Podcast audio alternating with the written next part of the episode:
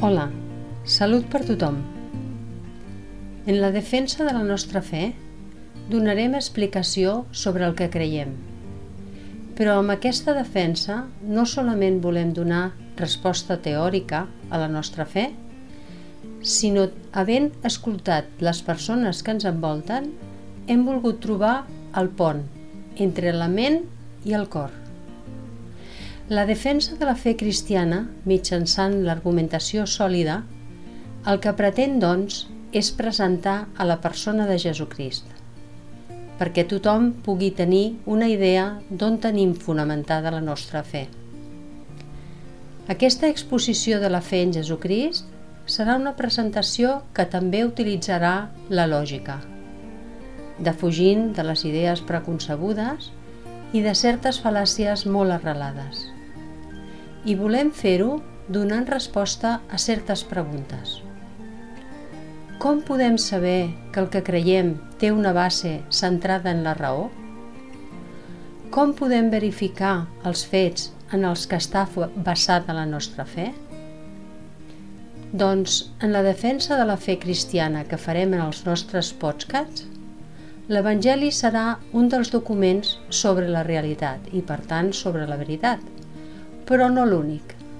Tot plegat, revisat des de la consistència lògica i la factibilitat, com a principis apologètics.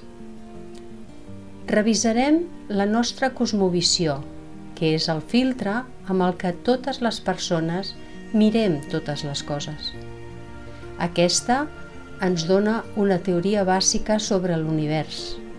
Ens fa una projecció de qui o què som.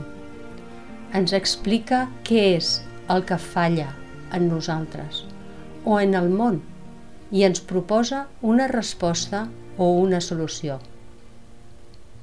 Afirmem que la nostra fe no és una acceptació cega, sinó una decisió raonada, basada en la cerca de la certesa i en haver trobat el sentit a tot plegat, perquè hem examinat fins a quin punt els fets en els que es basa aquesta fe es corresponen amb la realitat, si tenen coherència amb la seva narrativa i si tenen consistència lògica.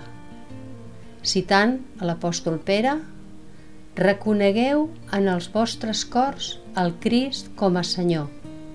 Estigueu sempre a punt per a donar una resposta a tothom qui us demani raó de la vostra esperança.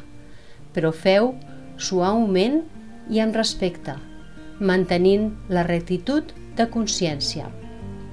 Gràcies i fins la propera.